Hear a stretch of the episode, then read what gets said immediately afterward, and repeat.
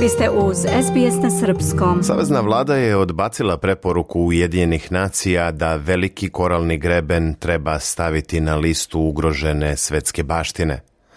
U izveštaju napravljenom u vreme Morisonove vlade utvrđeno je da klimatske promene, zatim izbeljivanje korala i kvalitet vode predstavljaju sve veću pretnju za greben.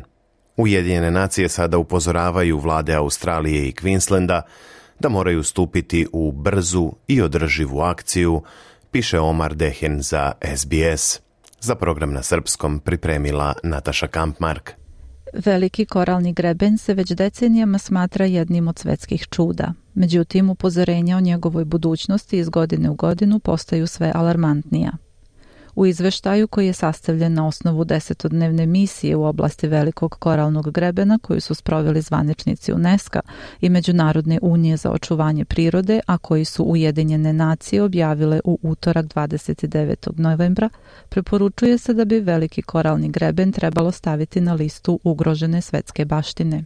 Kao sve izraženije pretnje koralnom grebenu navode se često masovno izbeljivanje, povećana kiselost vode i destruktivne ribarske mreže. U izveštaju se također navodi da su tradicionalni vlasnici zemlje nedovoljno zastupljeni i marginalizovani u naporima za zaštitu grebena. Simon Bradshaw iz Saveta za klimatske promjene veruje da izveštaj potvrđuje ono što je odavno poznato.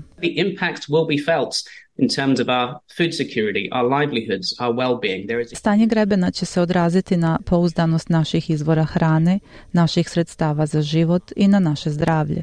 Rizik je ogroman i moramo da uradimo sve što je u našoj moći da zaustavimo propadanje grebena. Izveštaj sadrži 12 preporuka.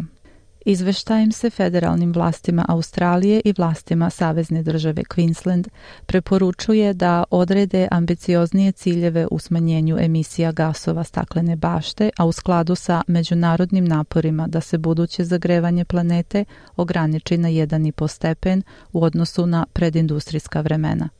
Izveštajem se takođe kao prioritetno preporučuje izdašnije finansiranje poboljšavanja kvaliteta vode. This report itself does not inevitably mean the reef will be placed on the list of World Heritage Richard Leck iz Australijskog ogranka Organizacije za zaštitu životne sredine i životinja World Wide Fund kaže da izveštaj ne znači da će veliki koralni greben neizbežno biti stavljen na listu ugrožene svetske baštine. U posljednjih šest godina četiri puta se desilo masovno izbeljivanje korala. To znači da klimatske promjene očito najviše utječu na koralni greben – u suštini nam je ostalo još dve sekunde do ponoći, a znamo da grebenu moramo dati šansu da se bori, kaže on. Ovo je drugi put da su date ovakve preporuke. Prošle godine tadašnja ministarka za životnu sredinu Susan Lay lobirala je u UNESCO kako koralni greben ne bi dospeo na listu ugrožene svetske baštine.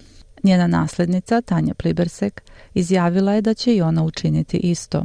There is no need to single the Great Reef in this way. Nema potrebe da se veliki koralni greben izdvaja na taj način. Ako je ugrožen veliki koralni greben, onda je ugrožen i svaki koralni greben na svetu, kazala je ona. Odbacujući ključni nalaz izveštaja, federalni laburisti su promovisali svoje zakonske promjene, obećavši milijardu i 200 miliona dolara za greben i obavezali se da će do 2030. smanjiti emisije za 43% ispod nivoa iz 2005. Senatorka Nita Green, specijalna izaslanica vlade za veliki koralni greben, kaže da je na izveštaju rađeno za vreme prethodne Morrisonove vlade. Since that time we have had a change of government and we have taken significant steps Od tada smo imali promenu vlasti i preduzeli smo značajne korake u sprovođenju politike zaštite grebena. Vlada Queenslanda je u izjavi saopštila da se mnogo promenilo od marta i da sada tesno sarađuje sa Commonwealthom. Richard Leck veruje da bi preporuke trebalo usvojiti, ali se slaže da stavljanje na listu ugrožene svetske baštine treba odgoditi. It has been refreshing to see from the new Australian government language that says they want to become a leader. Pravo je osveženje što nova australijska vlada želi da preuzme vodeću ulogu. Ovaj izveštaj vidimo kao prvi test te njihove odluke – da bi pokazale da ne zaostaju u klimatskoj akciji i zaštiti životne sredine, federalna vlada i vlada Queenslanda moraju da ispune ove obaveze.